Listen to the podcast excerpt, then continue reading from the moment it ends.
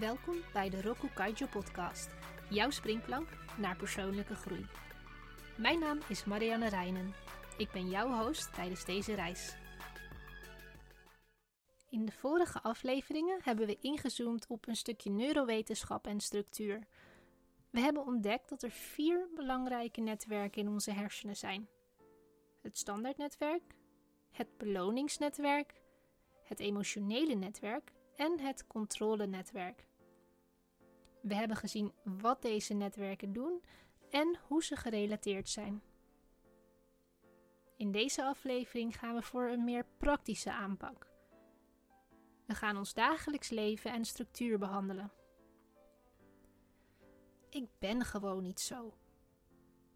Als coach heb ik sommige klanten dat horen zeggen. Nee, ze zijn niet die persoon die op tijd komt. Ze hebben moeite met het beheren van een stapel werk.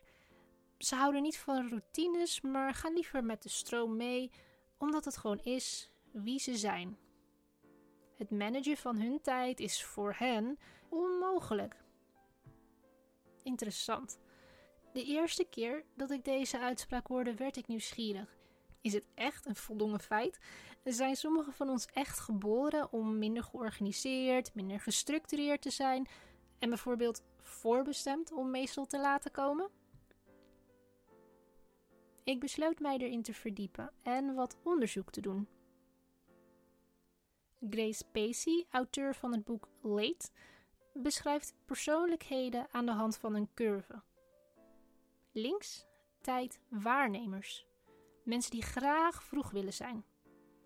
Rechts tijd buigers, mensen die niet van routine houden. Kijken we naar deze laatste groep, dit betreft mensen die niet van repetitieve taken houden. Kenmerkend voor hen is dat ze zich echt kunnen focussen als iets hun interesse heeft. In dergelijke situaties kunnen ze de tijd zelfs uit het oog verliezen. Ze kunnen op tijd zijn als het echt nodig is. David Robson, auteur van het boek The Expectation Effect, stelt dat het probleem met tijdbuigers is dat ze aannemen dat ze gewoon zijn wie ze zijn. Ze proberen niet echt te veranderen. Ze doen niet de moeite om bijvoorbeeld op tijd te zijn, meer structuur in hun dag te krijgen. En op deze manier kan een zelfvervullende voorspelling ontstaan. Of je nu een tijdwaarnemer of een tijdbuiger bent, het is altijd mogelijk om te veranderen en een gezond evenwicht te vinden. Maar hoe? Nu volgen twee strategieën die jou op weg kunnen helpen. 1. Focus op het belang van deadlines. Zie deadlines als iets belangrijks. Jouw inzet, vaardigheden en verantwoordelijkheidsgevoel hebben er absoluut heel veel mee te maken. 2. Focus op de gevoelens van anderen. Wees je altijd bewust van de effecten van jouw gedrag op de emoties van anderen. Als we inzoomen op sociale evenementen, vraag jezelf dan bijvoorbeeld af: hoe zou ik me voelen als iemand me zou laten staan of een afspraak niet zou nakomen? Wat zou ik van zijn of haar betrouwbaarheid vinden? Op welke manier zou deze, misschien wel vaker voorkomende situatie, onze band negatief kunnen beïnvloeden? Roku Kaijo's weektip. Eigenlijk twee tips deze keer. 1.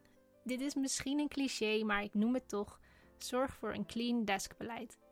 Of je nu op kantoor werkt of thuis werkt, zorg voor een opgeruimd bureau.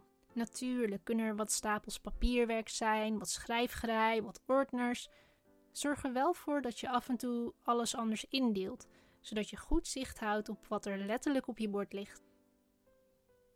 Een persoonlijke noot: als je kopje koffie, thee of glas water leeg is en je moet bijvullen, maak dan gebruik van die gelegenheid. Ruim je afval op en orden je bureau. 2. Weer zo'n cliché, maar wel heel krachtig. Plan je dag vooruit. Dat kan de avond van tevoren. Maak gewoon een lijst van dingen die je echt moet doen. Trap niet in de valkuil om je hele dag te plannen en alles erin te proppen. Want er kan natuurlijk altijd wel iets onverwachts gebeuren. Daar moeten we wat ruimte voor creëren. Bedankt voor het luisteren naar de Roku Kaiju podcast. Schakel elke donderdag in voor een nieuwe aflevering. Meer informatie en het laatste nieuws vind je op de website roku-kaiju.com.